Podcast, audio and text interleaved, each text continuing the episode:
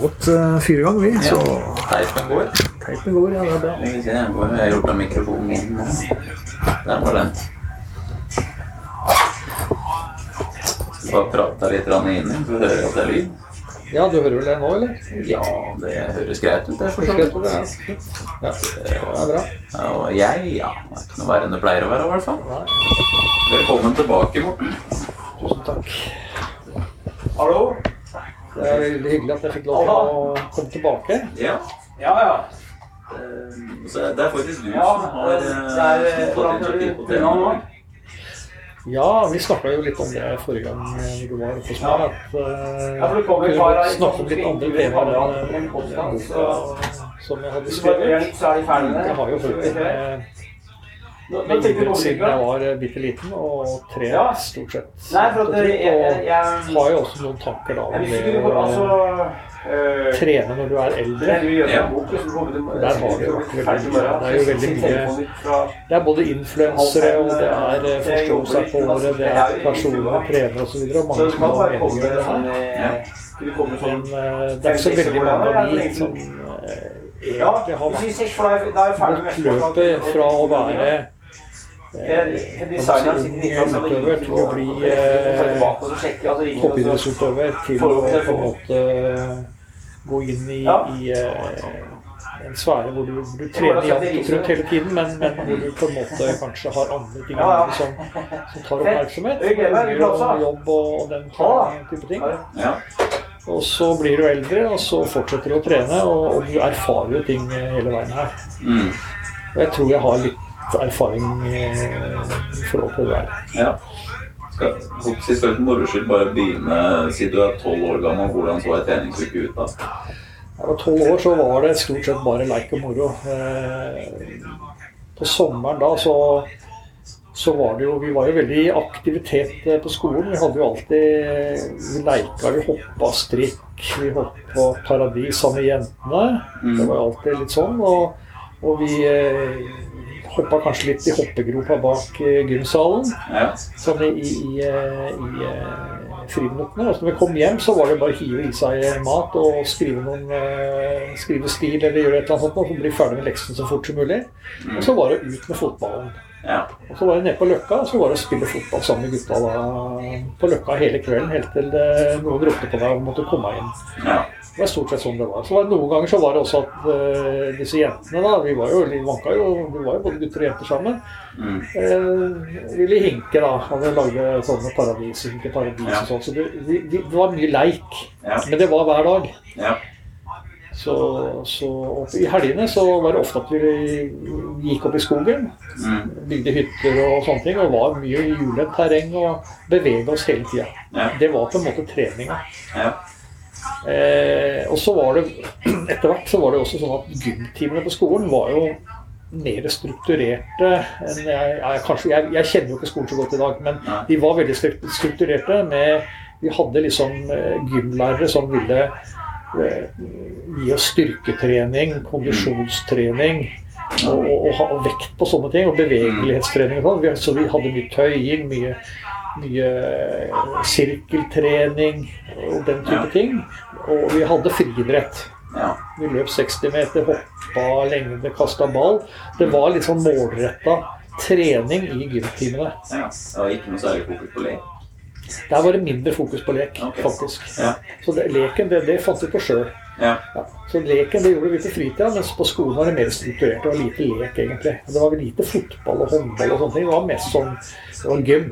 Ja. Ja, gym. ja. Det het ikke kroppsøving da? Eller? Det het vel det. Ja. Ja. Men Det gikk litt sånn om hverandre. Kroppsøving, gym Ja, det var ja. Det het jo gymsal. Ja. Ja. ja. Og eh, vi snakka litt om det i stad, men eh, vi, vi var i stand til å ta ganske mange sånne eh, dips og, og pushups og situps på den tida. Altså. Vi var sterke. ja. Men jeg så jo det også, for å ta en lite sånn sidespor på det, så så jeg jo det at det var jo en del som falt utenfor. ja. Og det er klart at det, det var ikke så veldig hyggelig for de i en sånn gymtime å å- å føle at de ikke verken var sterke eller eh, utholdende nok eller noe, og egentlig var noen ordentlige sinker. da. Så det er klart at det, den derre eh, den derre bukken som vi skulle hoppe over. Vi hadde en sånn, sånn bukk vi skulle hoppe over, så hadde vi sånn, sånn, sånn skal vi kalle det for et sånt brett som eh, ga deg litt ekstra spenst. da. Og det er klart at det, De som, som da kom halvveis opp på den bukken og lå der og kava, det var jo ikke noe særlig eh, morsomt for dem når, når, når vi andre sto og lo litt da, og syntes det var litt komisk. da. Så jeg skjønner jo det at det kanskje var eh, Kunne nok eh, altså Gymtimene kunne vært tilrettelagt litt mer for de som var litt svakere. Men det var ikke sånn engang. Nei. Nei, for Det er sånne ting som er liksom, det er bare sånne kuriøse historier jeg har hørt om den der, de der taua du måtte klatre opp, og den der bukken du måtte hoppe over. og alt Jeg var aldri borti den jeg gikk på skolen. i. Nei, altså Vi hadde stafetter, vi. Ja. Hvor vi hadde hoppe over bukk og klatretau. ja. Og det er klart at det, hvis, du var, hvis du var da litt, over, litt, litt, litt overvektig Mm. og ikke spesielt uh, sprek, Ja. Så kom du ikke mer enn eh, to tak opp det tauet, og så datt du på rumpa ned. Mm. Og da ble du ikke valgt først. Nei. Det blir du ikke da. Nei. Så, og det er klart at eh, Nei, vi hadde en del sånne ting, og jeg syns det var eh, Jeg må si at jeg har alltid hatt litt sånn eh, Kanskje vært litt eh, Jeg, jeg syns ikke det var så veldig ålreit. Altså, jeg, jeg likte ikke det. Det sånn, jeg jeg syns ikke det var noe ålreit å drive for på den måten, selv om jeg sikkert lo litt, jeg òg. Så, ja. men, eh, men det var Men for meg og, og en god del andre så ga nok det en solid eh, basis altså for seinere aktiviteter og, og, og konkurranse, Ja. konkurranser da, i forskjellige idretter. Når ble det byttet fra dette er lek og aktivitet til nå er det trening mot noe? Vi trente alltid mot noe i forhold til f.eks. fotball. Vi, var alltid, vi hadde alltid konkurranse om hvem som kunne nikke flest baller, hvem som Ja. kunne liksom trikse mest. Så vi hadde jo for så vidt et mål om å for, for Når vi var på fotballsamling eh, på sommeren på SIF-hytta, eller Strømskoghytta, oppe i, oppe i på Konnerudmarka, så var det alltid konkurranse der om hvem som kunne klare disse tinga mest. Og da var det, da var det flaske brus til den som vant. Ja. Og det var veldig populært den gang. Så det var ikke sånn at du drakk brus eh, fire ganger om dagen. Det var ei flaske brus i uka hvis du var heldig. Ja. Så brus, det å få en flaske brus som premie, det var svært. Mm. Og da trente vi da hele sommeren for å prøve å liksom være vinne den brusflaska. da. Jeg vant brusflaske én gang i Hedling. Ja. Men det var også mot slutten av karrieren for en fotballspiller. da. Ja. Men, eh, men, eh, Så vi trente for så vidt På sånne ting gjorde vi det. Men når du tenker på konkurranser, når vi måtte trene mot konkurranser, så var nok det for min del da jeg var rundt 13 år. ja. Da jeg begynte, gikk omtrent på Jeg gikk vel i andre klasse på ungdomsskolen. Åttende klasse. Da, da begynte jeg å trene litt mer systematisk. Eh, men det var ikke sånn at jeg trente skøyter f.eks. på hele sommeren. Men jeg trente, trente litt fra høsten og ut. Fra jeg var 14 år, så begynte jeg å trene fra våren. Ja. Da var det liksom ordentlig, for da hadde jeg fått eh, bronsemedalje i landsmesterskapet og følte at det var skøyteløper jeg skulle bli. Ja. Og da tok jeg det på alvor og, og begynte å melde meg på sånn eh, et eller annet sånt litt sånn lugubert eh, helsestudio i Drammen. Og var der også løfta litt vekter.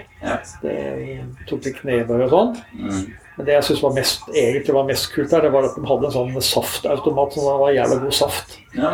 Så jeg drakk mer saft enn jeg løfta vekter. Men, men jeg var i hvert fall Jeg hadde liksom begynt tanken da med ikke sant, og, at jeg skulle bli idrettsutøver. Og det var ordentlig fra jeg var sånn 13-14. da. Ja. Ja. Så holdt jeg, hvor lenge holdt du det gående med det, da? Det holdt jeg Jeg holdt det gående til jeg var rundt en eh, 23. Ja. eh, 24. Da hadde jeg noen få år hvor jeg, jeg trente hele tiden.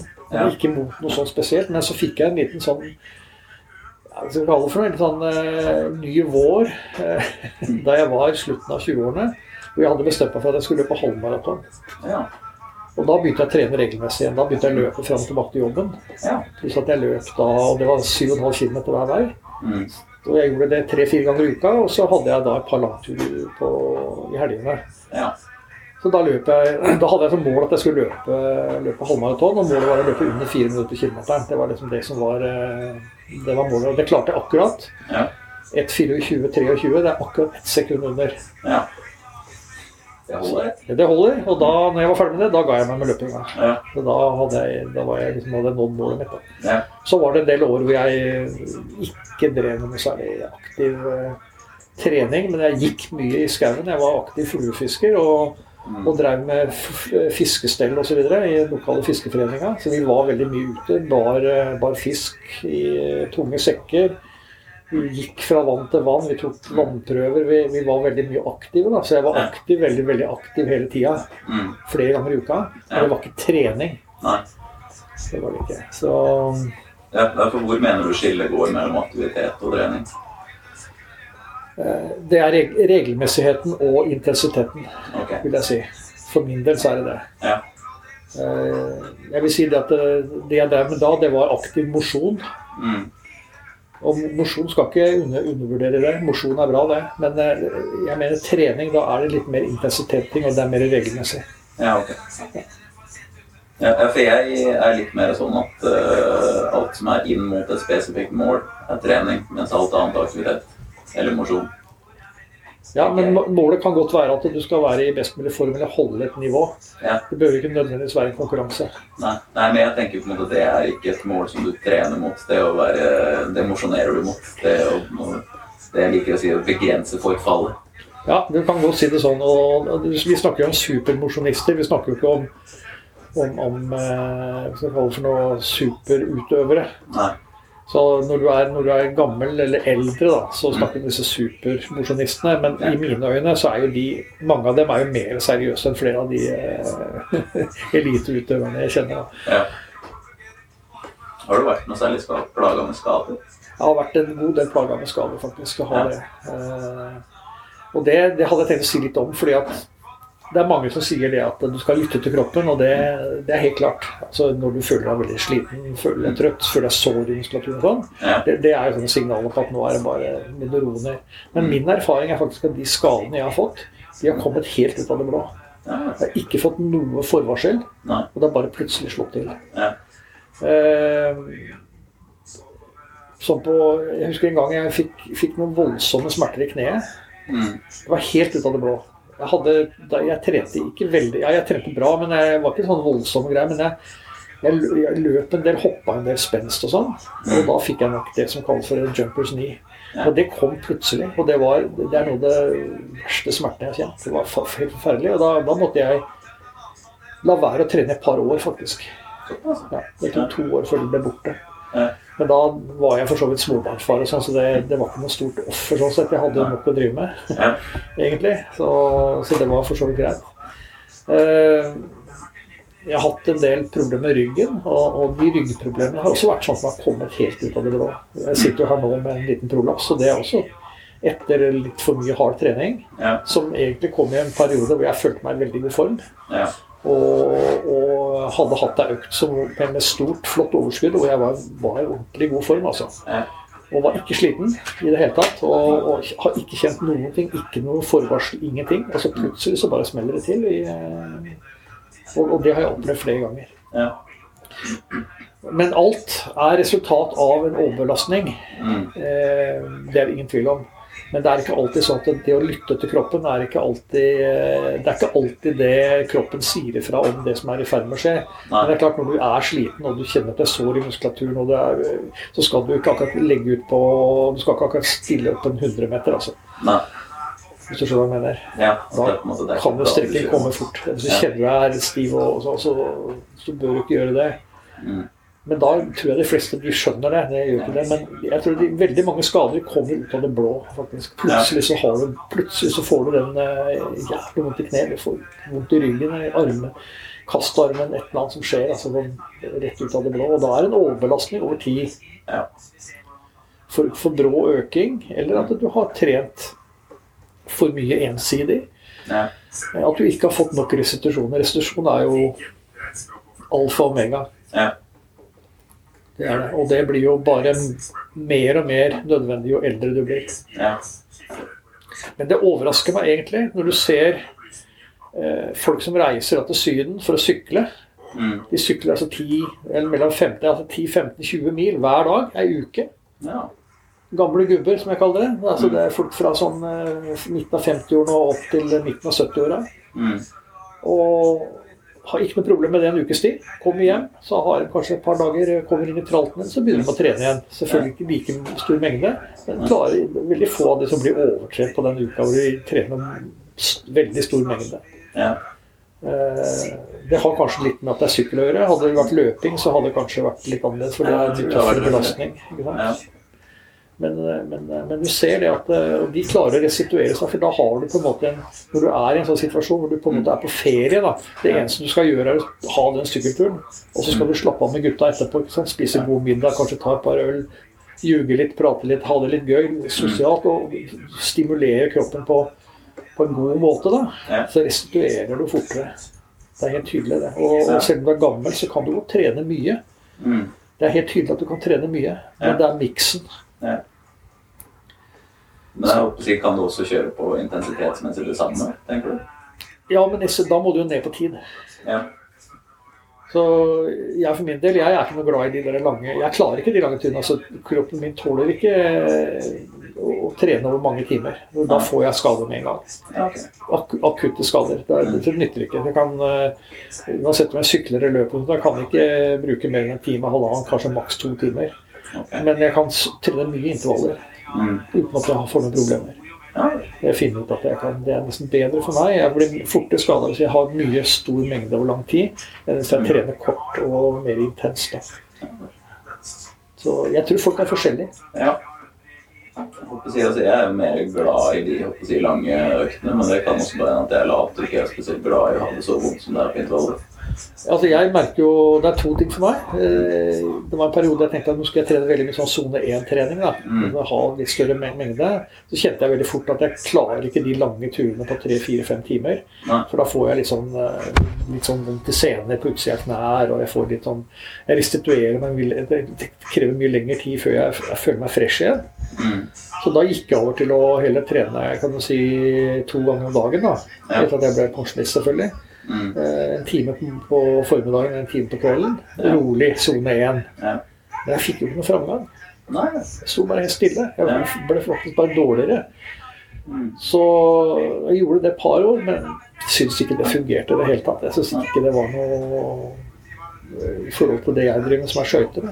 Mm. Så har jeg begynt å trene litt mer intervallbasert med litt tøffere, mye tøffere intensitet. da. Ja. Og da kjenner jeg at nå er kroppen, nå er kroppen på gang igjen. Ja. Så, så det er tydelig at det er det jeg må ha. ja, okay. Mens andre de får mye framgang av, av rolig utlevering. Så jeg tror det, er, eh, det her er genetisk bestemt. Ja. Og hva slags type muskulatur du har, og, og ikke minst også lynne. Ja. Hva som ligger for deg. Jeg elsker, jeg elsker å kjenne at melkesyra står opp i øra. Jeg elsker det. Jeg det er nydelig. Etterpå, etter en sånn knallhard økt, så legge seg på sofaen da og bare se taket, da, jeg, da, da, er jeg med, da føler jeg meg god. Også. Det er deilig. Kanskje jeg kanskje jeg har litt annet lyn. At jeg er mer en sånn som bare holder tralten i gang over lang tid. Det er ikke umulig. Nei, det har jeg aldri testa. Det er ikke umulig. En annen ting, da. Vi, vi, snakker, om, vi snakker om aldring. Og jeg tenkte jeg skulle si litt om det. fordi aldring det går jo egentlig på to, Det er jo sånn to hovednivåer. Det er jo fysisk aldring, og så er det jo da mental aldring. Ja. Eh, Fysiske aldringer tror jeg er veldig mye bestemt genetisk. Ja. Men du kan, eh, du kan eh, gjøre tiltak som, eh, med fysisk trening som gjør at du kan redusere den genetiske Altså at du kan redusere hastigheten da, Mm. som du aldres. Men, men, men det er dog sånn at folk aldres eh, selv om de trener godt. Ja. Eh, Og, og, og du, du klarer på en måte ikke å kjempe imot det, eh, med mindre du har gener som på en måte tillater det. Mm. Og Det har jo vært forskerne veldig lite på, så det vet vi veldig lite om. Men du kan jo se det at selv toppidrettsutøvere kan dø unge. Mm. Eh, og, og folk som da også har trent moderat, som har vært i god form og vært slanke og fine. og Så plutselig så er de borte med får ikke hjerteinfarkt eller et eller annet som skjer når de er eh, midt i 70-åra. Ja. Eh, Så, så det kan vi på en måte si at det er, eh, det er veldig mye genetisk bestemt. Da, selv om du da Mange sier at da Ja, ja, jeg, jeg blir ikke noe eldre, men jeg har det bra så lenge jeg lever. Og det er for så vidt greit. Du får mindre sykdommer og mindre mindre skavanker. da. Ja. Men den mentale delen er jo vel så viktig. da. Mm. Den mentale aldringen den kan du gjøre mye med sjøl. Sånn som han kameraten der.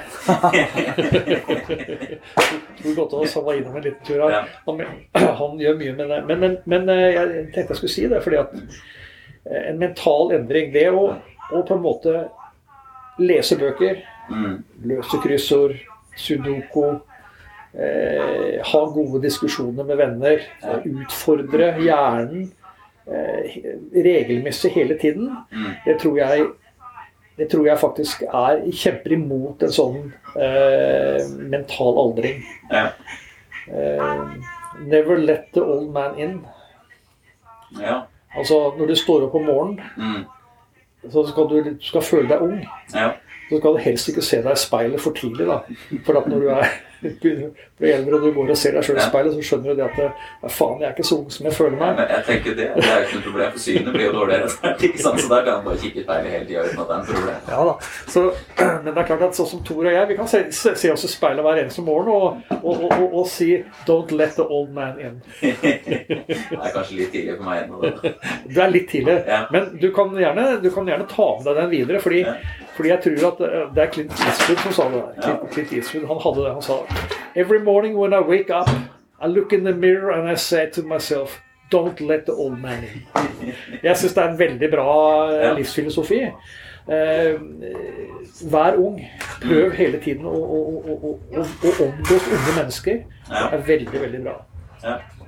Det har jeg gjort helt bevisst. Mm. Omgått uh, unge mennesker fra jeg var sånn rundt 40.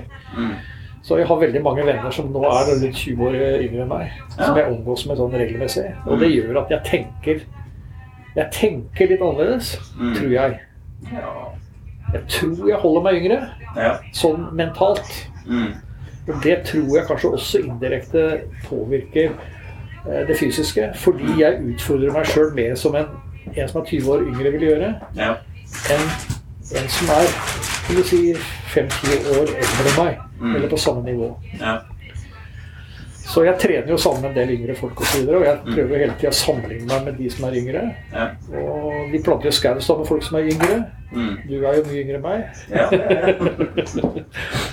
Så, ja. så jeg tror det, det er også veldig viktig at man tenker på når det gjelder dette her med trening. Mm. At man, man eh, ikke går i den fella at man Nei, nå er jeg så gammel, så da kan jeg ikke trene sånn. og da kan jeg ikke gjøre sånn.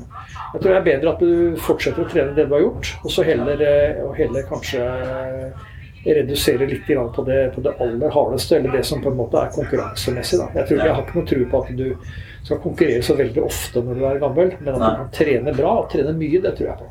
Mm. Og da tenker jeg det at eh, ikke sant, styrketrening er jo kjempeviktig for eldre. Mm. Jeg trente ikke så mye styrke da jeg var yngre. Nei.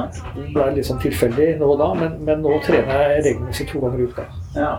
Og det tror er bra for, eh, for kroppen. Mm. Fordi eh, balanse Ja. er noe av det første du mister. Og det å kjøre litt balanseøvelser, det å, å, å trene styrke, mage, rygg, eh, styrke skjelettet Det blir ikke så lett å få, få det lårhalsbruddet som mange, Mm. mange får. Og du ser jo det at eldre som får lårhalsbrudd, mange av de, de kan være spreke helt til de får det bruddet. Ja. Og så visner de bare hen, og faktisk, mange av dem faktisk dør, faktisk. Ja. Eh, Så, så det å få den type skade når du blir gammel, det er ikke bra. Det, men, men ved å trene regelmessig, spise sunt, så styrker du eh, beinbygninga di. Mm. Og du har ikke så lett for å få disse her eh, typiske aldersskadene som mange fikk før. Ja. Og så restituere. Sove godt. Vi har muligheten til å sove. Det hadde de ikke før. Altså, Tor har jo skrevet masse bøker om disse skogsarbeiderne ikke sant? Mm. som, eh, som eh, jobba livsskiten av seg hele dagen Ja. og sov dårlig. Hadde dårlig restitusjon, egentlig. Mm. Eh, Og det er klart at det er ikke det beste når du blir litt eldre. Nei. Dra med deg det fra du er ung og oppover da. Du blir som regel ikke så veldig gammel da. Nei. Jeg tror nok det altså, det- For dårlig søvn så er jeg nok enig, men eh, altså, arbeidsdagen i skauen var nok noe kortere. Altså, Det var ikke mulig å jobbe etter sola hadde gått ned. Det er sant, det er sant men det var jo også mye mer fysisk arbeid. da. ja, det, jeg, skal ikke, jeg skal ikke snakke ned det å jobbe i skauen, for jeg, jeg driver med det sjøl. Det, det, er røft første, første uka, og så på en måte går det seg til. Men du ligger vel ikke rundt bål i en, eh, på en granbasseng når du skal restituere? Er ikke sammen med tolv andre karer på 20 kvadrat inn på ei trekkfull koie. Så, Så, så det, jeg tror nok det var Og når du kom hjem, så det var en kamp for livet. Altså Det var en kamp for maten. ja, Og det var ikke sånn at når du kom hjem i helgene, så kunne du bare ligge på brisken. For da var det alltid noe å gjøre hjemme. ja, Så, så jeg tror at, eh, at eh, den, det, det med å restituere er Det har vi mye større muligheter til nå når vi blir eldre. Og Derfor så kan vi trene og ta vare på oss sjøl på en helt annen måte. ja. Si, har du begynt med noen andre tiltak enn jeg holdt på å si å trene smartere og sove? Dykke badstue, sånne type ting. Hva tenker du på? Du har begynt å ta badstue, eller er det noe? Ja, ja, badstue har jeg hjemme. Ja. Når jeg bygde, eh, bygde hytta mi nå, så, så bygde jeg badstue. Så jeg tar badstue én til to ganger i uka. Ja. På vinteren. ja. Det er ikke sommerstid? Nei, på sommerstid har jeg boblebad, Ja, ok. Ja, det er for så vidt mer behagelig. så da bruker jeg det. Ja. Men på vinteren, fra, fra sånn høsten, fra sånn eh, ja, midten av september utover, så bruker jeg, bruker jeg badstue ofte. Ja. Det, det syns jeg er deilig. Med snøbad og sånn mellom? Nei, jeg, jeg har dessverre ikke Da må jeg liksom eh, gå våt og dryppende gjennom hele stua. Ja. Så jeg bruker, eh, jeg bruker dusjen, da. Jeg tar kald, kald dusj. Ja. Jeg syns det er deilig. ja. Det. Og så ligger jeg som regel etter at jeg er ferdig, så, så ligger jeg som regel da bare rett ut eh, og tørker sakte. Ja, for det syns jeg er deilig, for da fordamper jo det vannet etter den siste dusjen. Det fordamper jo, og da blir jeg kald. ja. Det syns jeg er veldig behagelig. Og jeg sover som en stein etter en sånn eh, badstuekveld. Da. Mm. Da, er da trenger jeg ikke noe Da trenger jeg ikke noe lesing på senga. Eller, det er bare rett inn, og så husker ikke jeg noe mer før jeg våkner. Da, Ja. Det var sånn kollaps, eller sånn, sånn idet du treffer puta. Ja, det er, det er fantastisk deilig. Ja. For jeg har brukt um, Jeg bruker det hele året, men det er litt sånn i forhold til jiu-jitsu. For det- er dårlig med klimaanlegg der jeg trener. Så på en måte sommerstid, hvis det er 27 ute, så er det i hvert fall 35 inne. Så jeg var en tur og besøkte en eh, gammel skøytekompis, Ola Markini. Han, eh, han bor jo da på Åland og Ja. gjort finne av seg. Og han dro meg med, på et sommer, sommersted hvor Mm. de hadde badstue. Det var midt på sommeren. Og, og, og han eh, fyra han ville jo vise meg selvfølgelig sånn fin badstue på finsk maner. da. Mm. Men der var det jo bare ti meter ned til sjøen. Ja. Og hadde jeg hatt den muligheten, Mm. så hadde jeg nok hatt badstue hele året. For, Ja. Fordi det er klart at han der Sjøen holdt kanskje en eh, det var jo, Dette var jo i Østersjøen, så den holdt kanskje en eh, 20 grader. da. ja. Og det er klart Når du satt da i badstua og kunne bare gå rett ut i det vannet, Mm. det var helt herlig. Ja. For da fikk du kjølt deg ned i sånn passe kaldt vann. Mm. Så det hadde jeg nok gjort da. Ja. Men eh, kanskje jeg bør kjøpe meg et sommersted på Åland. Ja. ja, for jeg er jo heldig å ha bekk ikke så langt unna. Så jeg kan jo bare gå og sette meg der. Ja, det er deilig. Ja. Ja. Ja, det er ikke så deilig der lenger nå. Det var, det var røft i morgenen i dag. Det- Det har du tatt i dag. Jeg liker badstue, men jeg har sittet i bekken. Du sitter i bekken i dag. Ja. Du liker sånne kalde anrydninger? Jeg vet ikke om jeg liker det, men jeg, jeg kjenner at jeg har en eller annen positiv effekt av det. På en måte når, For, det, det må du fortelle meg, for det har jeg alltid lurt på. Ja. Hva slags positiv effekt har du, eller jeg føler du egentlig? det er bare at jeg blir klarere i huet, og så syns jeg sjøl i hvert fall at jeg har mindre sånne små vondter. At de går fortere bort hvis jeg er i bekken. Mange sier jo det at du øker jo, du øker jo eh, blod, blodgjennomstrømningen enormt ved å Mm. ta sånne kalde, iskalde avvinninger. Så det kan godt stemme, det. Så jeg er ordentlig altså jeg er ordentlig pys når det gjelder kulda. Så det er sikkert derfor jeg liksom eh, vegrer meg litt for det. Selv om jeg også har tatt noen sånne snøbad innimellom. Mm. Det er ikke det jeg liker. Jeg er ikke så den dusjen jeg tar, er ikke så kald. Nei. Nei, men jeg syns snøbad egentlig er verre. Og også kalde dusjer syns jeg også er forferdelig. Men det, det tror jeg på en måte bare er den enkle grunnen at uh, altså, det er, det er veldig mye lettere å gi seg, og på en måte den veien fra å avslutte er veldig mye kortere i en dusj eller i snøbad enn hvis du sitter i bekken, for da er det på en måte da det er I hvert fall nå er det like ubehagelig å ta av seg badekåpa og stå på kanten som det er å sitte i bekken. Så da er på en måte da veit jeg bare det. Men jo, jo fortere jeg er ferdig med det minuttet eller de to minuttene, så, så er jeg ferdig med det. Da er det greit. Mens på en måte, hvis jeg legger meg i snøen, da, så vet jeg da er det veldig mye lettere å bare gå opp igjen og gå inn. Eller bare skru på litt varmere vann i dusjen eller noe. Det høres logisk ut det. Ja.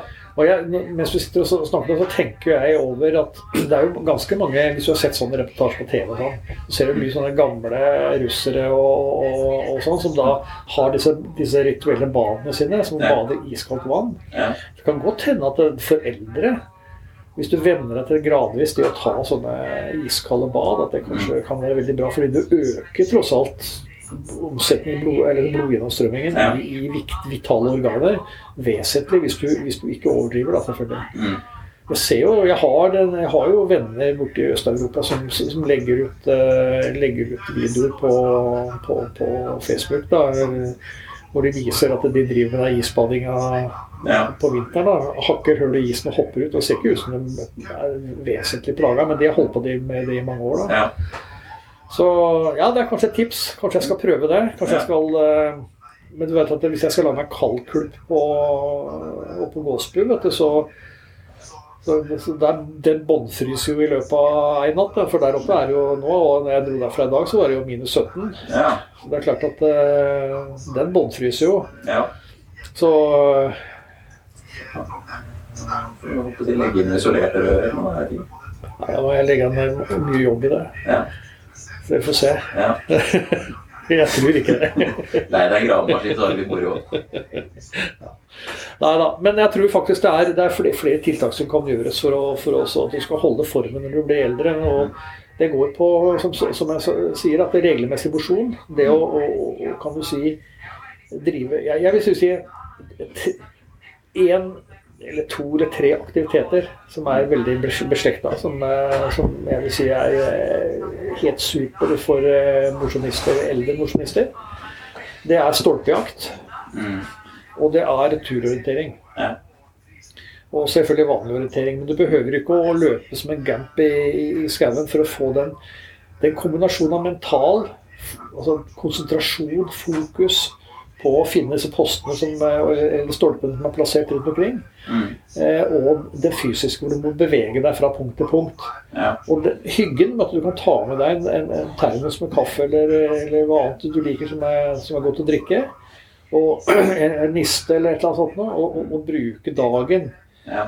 på å være ute og bruke hodet på å finne disse postene, gå i ulendt terreng, eller eventuelt sykle på, på, på stier og grusveier for å finne stolper osv., er jo helt supert. Det må jo være noe av det beste du kan drive med hvis du skal være mosjonist, som, Ja. som du vil kalle det. da. Ja. Eh, og, så jeg vil anbefale eldre folk vil jeg anbefale å prøve det, fordi da kombinerer du begge deler. og Det er deilig å komme hjem etterpå. Så kan du kanskje gjøre som deg, da. Ja. Når du kommer hjem etterpå, så tar du da en, et, et kaldt bad. Ja. Badstue og kaldt bad. Mm. Da tenker jeg det at uh, det vil være høydepunktet i, i livet ditt i hver uke når du har gjennomført en sånn dag. total renselse. Ja. Og hvis du da i tillegg leser en god bok, da, istedenfor å sitte foran den, eh, den kassa, Ja. som bare egentlig fôrer deg med jeg holdt på å si med, med underholdning, Mm. så tror jeg du eh, Jeg vil ikke si at du blir dum av å se på TV, men jeg tror det. ja. Men altså, blir den kontinuiteten enda viktigere jo eldre du blir? Altså, det å holde ting i gang? Ja. Jeg merker det at det skal veldig mye kortere tid til eh, nå før jeg blir i dårlig form etter at jeg har hatt en skade eller ikke fått, eh, fått trent på en, eh, på en stund, Mm. enn eh, da jeg var yngre. Da jeg var yngre så kunne jeg egentlig jeg kunne gå et par måneder uten å trene ordentlig hardt. Og bare et par-tre par-tre økter så var jeg i gang igjen. Mm. Det, det er mye seire nå. Jeg trenger mye lengre tid nå på å komme, komme opp igjen til det nivået jeg var på. Mm. Så eh, kontinuitet er, det tror jeg er my mye viktigere. Men du bør ikke trene mye, men, du, men eh, en halvtime hver dag kanskje. Men, men du må få opp hjertet litt. Altså. Som jeg sier, jeg, jeg, jeg har ikke noe tro på det der med bare gå og rusle en tur med bikkja. Det, det tror jeg ikke, det blir ikke noe ut av. Altså. Det er best for bikkja. Ja. Den får trimma Ja, bikkja trenger det. Ja. Men, men, men du, eh, det å tro at du liksom kjøper deg bikkje, og så skal du gå to små turer med bikkja om dagen, da, da, da må du kjøpe deg fuglehund, da, så du bor tre Ja. timer om dagen. Da, Ja. Det er noe annet. For det, det er det vi håper jeg skulle Ja, og det, det er noe helt annet. Ja, men den begynner å bli gammel nå, så den er ikke, den, den er ikke en så god treningskompis. i Det, det er, det er, noen ganger så er det for tidlig, eller så er det for kaldt, eller så er det for vått vær. Så det er ikke alltid hun vil ut. begynner å bli bedagelig og, og Ja. sedat. Du gjør det. Altså. Ja. Jeg er fortsatt på ski. Det er jo veldig gira. Jeg kan springe i snøen. Stor kose. liksom. Men eh, det er ikke alltid en novembermorgen at hun har lyst til ut før sånn i 12.30. Ja. Nei, men jeg tror at det er sånne små hunder, da Ja. skal jeg ikke si hva jeg pleier å kalle dem, men, eh, men de tror jeg ikke gir deg noe særlig når du går, går rundt kvartalet. Nei. Det, det tror jeg ikke er den store altså, Det er viktig for hunden, da. Ja. Altså, hunden liker også å snuse litt, og det er veldig bra for mentale for hunden. Mm. Så kan det kanskje være litt mentalt bra for, den, for deg å komme ut fra kassa, Ja. istedenfor å sitte foran kassa. At du kommer deg ut og ser et par blomster, og, og, og kanskje kan snakke med en annen som har ei bikkje. Mm. Eh, Sånn litt, litt sosialt. Ja. Men, men fysisk så har jeg ikke noe tro på at det der gir meg særlig. Altså. Ja, altså, hvis, hvis alternativet er å gjøre ingenting, så er det jo for så vidt positivt. da. Men eh, Ja, mentalt, men jeg tror, fysisk så tror jeg nesten at det det tror jeg nesten ikke har noe særlig verdi. Altså. Jeg tror ikke det. det er den der, fordi jeg har sett dem gå med denne hunden, og det, de går tre skritt, og så stopper de for bikkja skal snuse litt, og så går de tre skritt. Det er, det er, ikke, noe, det er ikke noe fysisk i det. nei. Men kjøper du en hund som på en måte krever litt mer, da, så, så du må gå tur i skogen f.eks. et par timer hver dag, og sånn, Ja. det, det kan jeg anbefale. For da har du en god turkompis, og du får bevega deg over tid, og du Ja. er faktisk nødt til å yte litt, og du blir litt sliten av det. Mm. Så det, er forskjellig. Får Ja. forskjell på det. Og en, alltid, en ting til er jo det at overvekt for eksempel, det bekjemper du ikke ved å, ved å trene. Nei. Det er kun kosthold. Ja. Og det også med eldre. De, de må passe på kostholdet sitt. Ja. Fordi eh, jeg hadde en, eh, en periode hvor jeg, hvor jeg eh, la på meg veldig mye, og, og, og fant ut da at eh, jøss, det jeg spiste før, det, det, det kan jeg ikke spise nå. Så jeg har, jeg, nå faster jeg. Ja. Eh,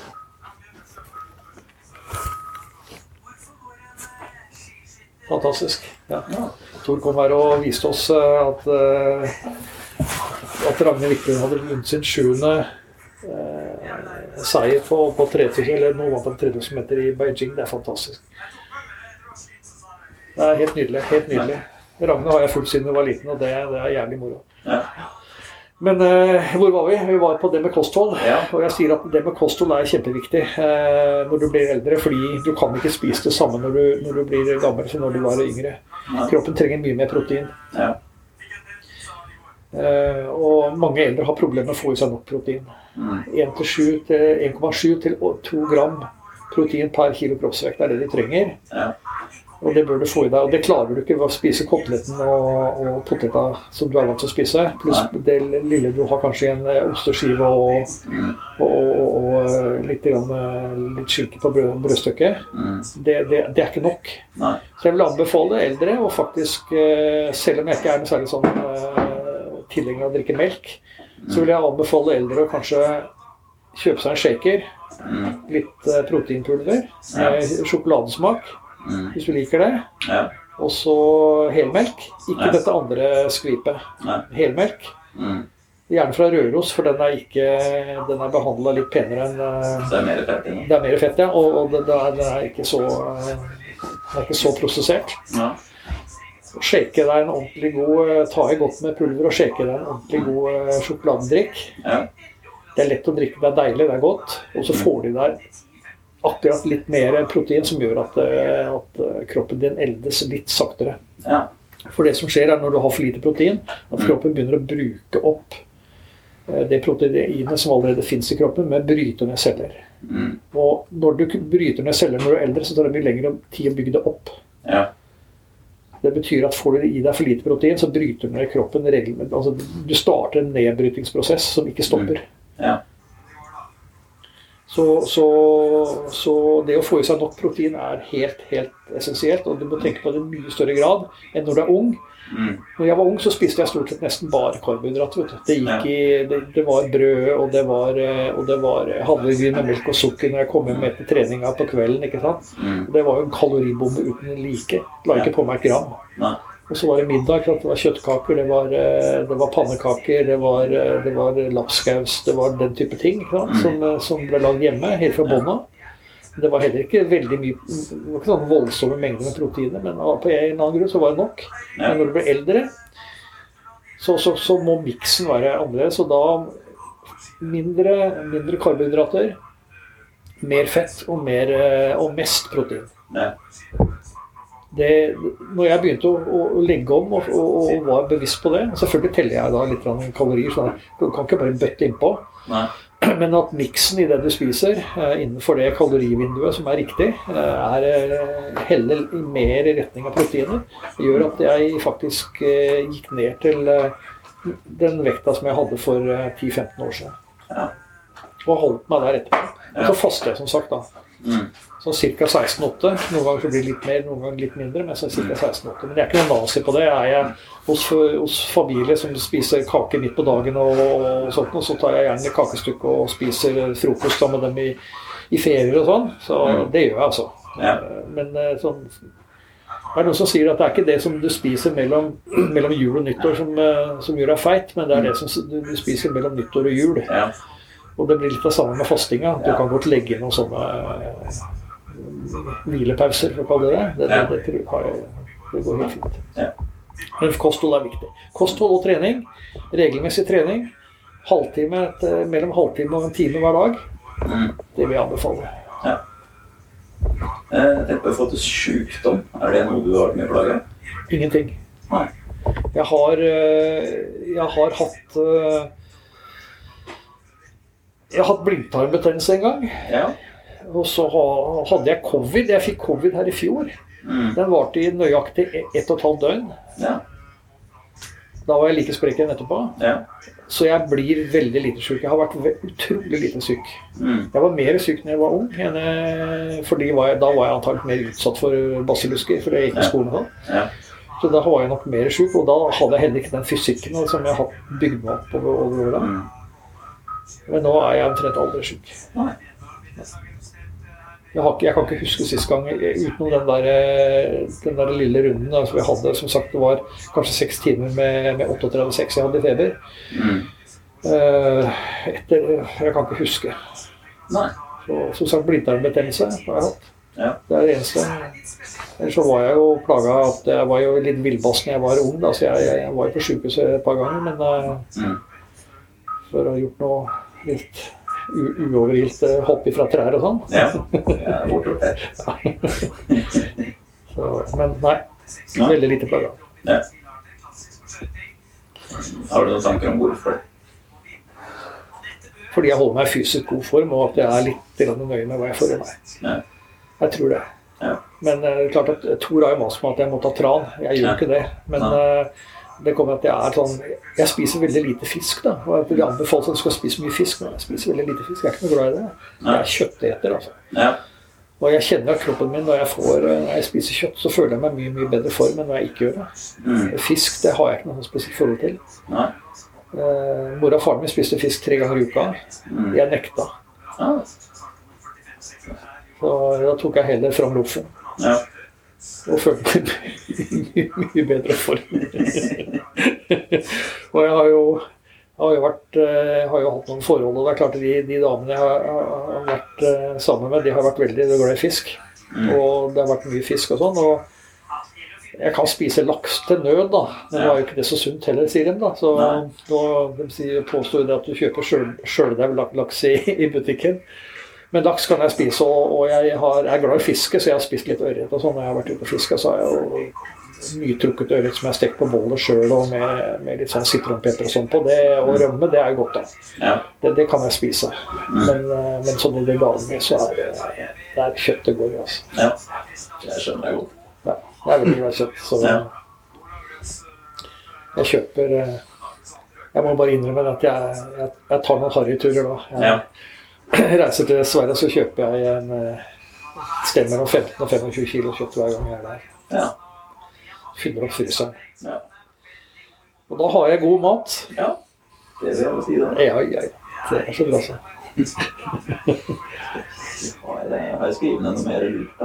Eh, jo, altså jeg tenkte på eh, det å trene for prestasjon og det å trene for helse. altså Det er jo to forskjellige måter å holde på på. Hva tenker du er viktigste forskjellen mellom de to? Hva er det mulig å kombinere? Ja, det er mulig å kombinere hvis du f.eks. Eh, sånn som skiløpere som satser mot Birken. da. Mm.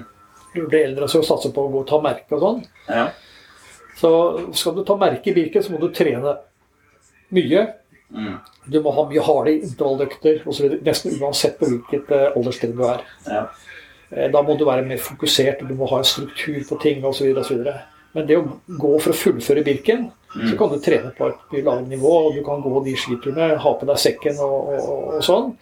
Og trene en god del, men, at, eh, men, men, på en måte eh, ha mer holder for noe, lettere, lettere økter. da. Altså, ikke, eller ikke så strukturert. Du behøver ikke være så strukturert for å klare å gjennomføre Birken som til å ta merke i Birken. da. Mm. På skøyter så vil det være sånn at du kanskje går bedrift, da, går bedriftsløp. Og da behøver du egentlig ikke å trene så voldsomt strukturert med sprintøkter og toppfartsøkter og alt sånt. Men hvis du ønsker å hevde deg som master i master NM, EM, VM, Mm. da må du ha det igjen. Da må du opp på det nivået at du trener strukturert. ikke sant? Og du må ha hardøkter, og du må ha sprintøkter, og trene på start. Og du må liksom ha litt eh, mer struktur, da. Ja. Så jeg, jeg tror at ja, du kan gjerne du kan gjerne trene så mot et mål som på en måte kan være å fullføre noe. Mm. Å være med på noe på et relativt greit nivå, men du kan aldri bli hevde deg på toppen i et masterstevne uten at du trener systematisk. Ja. Det er ikke mulig. Og så må jeg bare nevne det, da, at eh, det er jo mange som, som sier det at du blir veldig mye Du blir jo tregere jo eldre du blir. Og sprint er på en måte det. Jeg har jo da en kompis, han er kanskje et unikum, men han heter, han heter Ivar Njøs. Det er bror til Grunde Njøs, som var en av eh, verdens beste sprintere.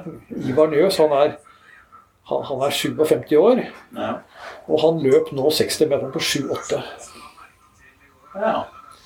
Det er fortere enn de fleste ungdommer klarer altså, i løpet av eh, sin tid. Ja, altså det er tre sekunder raskere enn jeg sprang som 17-åring. Ja, så Det er bra, det. Ja. Og han, er jo også, han går jo også 500 meter på skøyter på, på under 40. Mm. Fortsatt som 57-åring. Han har jo omtrent det som er av verdensrekorder på, på 500 meter. eh, Så han har klart å beholde hurtigheten sin. Men jeg veit jo at han trener jo veldig veldig systematisk og strukturert og bestemt på det. Mm. Han trener, han, han trener spenst, hurtighet, bevegelighet regelmessig flere ganger i uka og har gjort det over mange mange år. Han har aldri latt være å gjøre det. Og Mm. dermed har han klart å holde hurtigheten sin relativt høy. Hvis han hadde, hvis han hadde eh, hatt en familiesituasjon og en, en jobbsituasjon som tilsa at han kunne trene og, og restituere litt mer enn det han, eh, han gjør, så er jeg sikker på at han kunne kvalifisert seg til NM i sprint på skøyter i år. Det er helt overbevist om han hadde klart. Han hadde klart å hevne seg blant de, de, de, de, de unggutta som da er blant de kan du si, fra, fra nummer 15 til 24. Da hadde han klart å komme seg inn blant dem. Ja. Det er overbevist om. Ja. Så det er mulig, men alt krever struktur og systematikk for å holde seg på et høyt nivå. ja. Enn bare det å holde tralten i gang krever kanskje ikke all verden. Nei, det gjør ikke det. Har du, hvis du har en grunnteknikk f.eks. på ski da, eller på skøyter, så kan du egentlig flyte på den veldig lenge. Ja. Selv om skøyter er veldig, altså veldig avslørende, da. Ser du en topp topp eh, skøyteløper som har vært ute av det for en tre-fire år, Mm. så har han problemer med å slå eh, veteranløpere på 50. altså. Ja. Det, det, du detter veldig fort ned. Ja.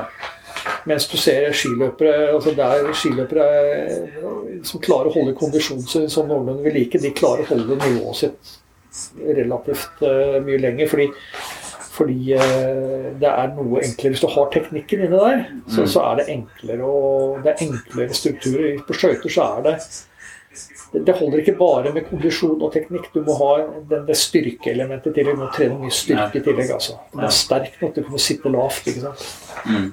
Og, så, så det, så det blir veldig fort avslørt. ja. Det Du nevnte bevegelighetstrening. Er det viktig å holde i gang det òg? Ekstremt viktig. Ja. Ekstremt viktig. Eh, De mest eh, Hvis du ser på, hvis du ser på eh, eldre folk, så ser du de begynner å bli stive i ledda. Mm. Og de, de, de, og de vil, gjerne, de vil jo gjerne sitte lavt på skøyter. Vil gjerne gå med litt sånne mjuke, fine bevegelser. Men de klarer ikke, for det er liksom det, det er akkurat som kroppen stritter imot. da. Og det, det går an å motvirke. Ved å trene mye bevegelighet, så, så, så kan du faktisk redusere hastigheten eh, på den, eh, den degenereringen av, av ledd og, og sener og muskler. Den kan du faktisk redusere. Men det krever selvfølgelig at du trener en del yoga, kanskje, og, og, og driver med litt sånne ting. Ja. Så det, det å kombinere yoga og badstue kan jo være en, eh, en grei eh, for noen også. Ja, altså sitte i badstue og så gjøre yoga, eller gjøre det samtidig? Altså yoga i badstua. Nei, jeg ville jo tatt yogaen først, og så badstua etterpå. Ja. Varma opp. Varma opp først, og så tatt yoga. Og så gå til badstua for å få blodsirkulasjon. Så kanskje ut i den kalde dusjen, da. Mm. Eller bekken. Eller begge. Ja. Eller bekken. Ja. Ja. så så det, det kan jo også være en, mulighet, selvfølgelig. Ja. Så, da, så det, jeg, jeg, tror at, eh, jeg tror at bevegelighet er kjempeviktig. Mm. Sånn forhold til oppvarming, er det, er det noe som bør endres på etter hvert som du blir eldre? Før du gjør ting? Jeg har alltid hatt et sånt, eh, sånt eh, regime på det at jeg jogger eller sykler ti minutter. Og så har jeg uttøying i de viktigste delene av kroppen som jeg skal bruke. Ja. Det har jeg alltid gjort, og det har jeg fortsatt med. Jeg, men jeg ser at det er en god del av mine medtrenende Mm. på min samme alder, som de går bare rett på isen, eller de bare går rett på økta. Ja. Så på skøyter så er det veldig viktig med det. På sykkel så bare går jeg rett på. Mm. Der er det, for der er det liksom Ja, sykler du kanskje på, på 80-90 watt i eh, fem minutter, og så har du kanskje 100, 120 watt i fem minutter, og så er du god og varm. Ti minutter, og så banker du i gang med økta. Ja. Så der, er det ikke, der bruker jeg ikke noe særlig. Og jeg tøyer veldig lite etter. Jeg tøyer ikke etter, etter trening, jeg tøyer før. Ja. Ellers så har jeg egne økter Ja. hvor jeg bare tøyer. Lenge, da. Halvtime, tre kvarter. Ja. Jeg kjører hele kroppen fra bånn til topp og, og har en holdetid. Jeg, jeg liker å holde. da. Jeg har ikke dynamisk eh, tøying, men eh, da holder jeg sånn eh, ett til halvannet minutt i ytterstilling på hvert. Og så har jeg to serier på hver. Ja. Og da, tar det litt tid, faktisk. å gjennomføre. det- Men jeg holder meg ganske mjuk. altså Jeg har ganske mjuke bevegelser når jeg går på, på isen fortsatt. Mm. Så og Det var jo litt artig da når jeg fikk den prolapsen som jeg hadde nå, så sier jo han eh, kiropraktoren min han sier til meg at det er ikke normalt at så gamle folk som deg får prolaps. Fordi at vanligvis så tørker den væska i mellom skivene tørker ut jo eldre du blir. Så folk som er eldre, har mye mindre sjanse for å få prolaps enn folk som er mellom 40 og 50. Det er stort sett da det slår til. Så jeg ble veldig fornøyd, da. Ja, ja. Jeg pleier å si til meg selv at jeg har kropp som en 40-åring. Det må være greit. Det er en trøst. Ja. Ja, Jeg er kanskje fortsatt litt sånn på den uh, kall ungdommens kraft. At jeg vil helst Altså, det er så kjedelig å drive varm. Jeg skal helst komme i gang så fort som mulig. da. Det kommer litt an på som sagt, hva du skal gjøre. Skal du ha eh, skal du ha øvelser hvor det er leddutslag, hvor det er litt sånne kraftige leddutslag, så vil jeg nok ta det litt rolig til å begynne med. Eh, og jeg vil tro det at skal du, skal du f.eks. gå skøyting på ski, Mm. så tror jeg det vil lønne seg å varme opp litt først. Altså, og tøye litt og, og være litt mjuk i, i rundt hoftepartiet og, Mm. og sånn. Og det er klart at det å ha, det å ha en, det å ha en, en hofteleddsbøyer som er litt myk og fin, det er, det er ikke sikkert det er noe ulempe når du skal gå diagonal. Nei. Nei, det er nok ikke. Så, så, så, jeg vil jo tro det at det kan være greit å tøye litt før Men jeg har jo en kamerat, Tor Håkon Holte, han var jo han klarte ikke å ta på tærne sine når han, var, når han var 17 år. Så klarte han ikke å bøye seg og ta på tærne. Nei. Så det var, Han hadde jo ikke akkurat verdens lengste hamstring. Nei. Men han gikk jo fort på ski. Ja. Så Åssen er det med deg, Tor? Jeg er dritmjuk, jeg. Hæ? Drittmjuk, ja? Ja, ja. ja. Mjuk som en tyggegummi? ja, nei, jeg er skikkelig mjuk, altså. Ja. Men se her. Men Men du tøyer, gjør ikke det? Ja, ja. ikke sant? Ja, Det er mykere enn meg. Det der, det der hadde aldri holdt det klart. Så, men han gikk fortere der på ski. Så, så, så akkurat det der med, i forhold til eh, det, i forhold til det med, med, med det å være mjuk og, og det å prestere eh, på ski, det tror jeg er eh, det, det er ikke noe sammenheng. Nei. Mens på skøyter så må du være mjuk. Ja. For det leddutslagene der er så voldsomme. Spesielt på sprint. da. Ja. ja for altså på ski så kan du også kompensere mer. For på en måte der er det Jeg tror normen er strengere på skøyter enn på ski. Ja. Så til hva som skal til for å gå fort. Det er nok det. Så er det vel også det er vel enda mindre marginer i skøyter enn det er på ski. tror jeg.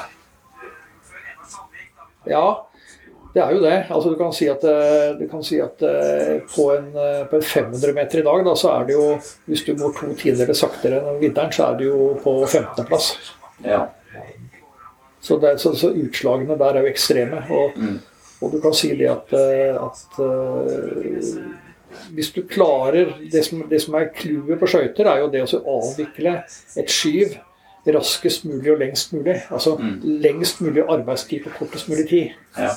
Og da må du ha, da må du være myk hvis du skal kunne ha lang arbeidsvei. Så må du være myk for å kunne Ja. gjennomføre det.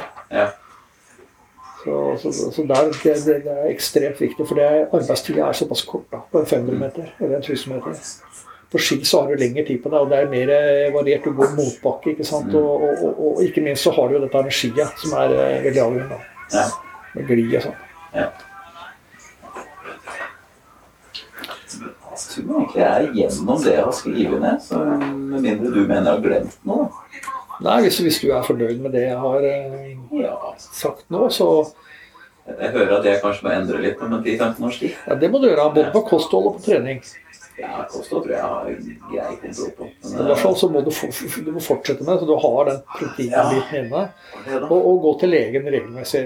Som mann så begynte jeg å gå til legen en gang i året når jeg var 45. Og grunnen til det var at det er, det er en del prostatakreft i familien, så jeg ville være veldig føre var. Ja. Så jeg har gått og tatt eh, tester eh, for det en gang i året. Men samtidig har jeg selvfølgelig testa alt annet. Ja. Og det har hjelpa meg eh, til å på en måte ikke være redd for å gå til legen. eh, Mm. Jeg kan se utviklingen på prøver osv. Det gjør at jeg kan justere f.eks. Så kan jeg se at oi, oi, nå har vitamininnholdet på D-vitamin gått ned, så nå må jeg kanskje gjøre noe med det. Mm. Nå er B12 lavt. Ja. Nå har jeg for lite magnesium. Altså Sånne ting som det der, det kan jeg se da en gang i år. Kan jeg justere det. Mm. Og, og sjekke hormonspeil osv. Det kan være smart. Ja. Mange, mange eldre menn de blir feite og, og da- og late. Og, og, og, mange sier at det er fordi at du begynner å bli gammel, og så er det egentlig fordi du mangler testosteron. Ja.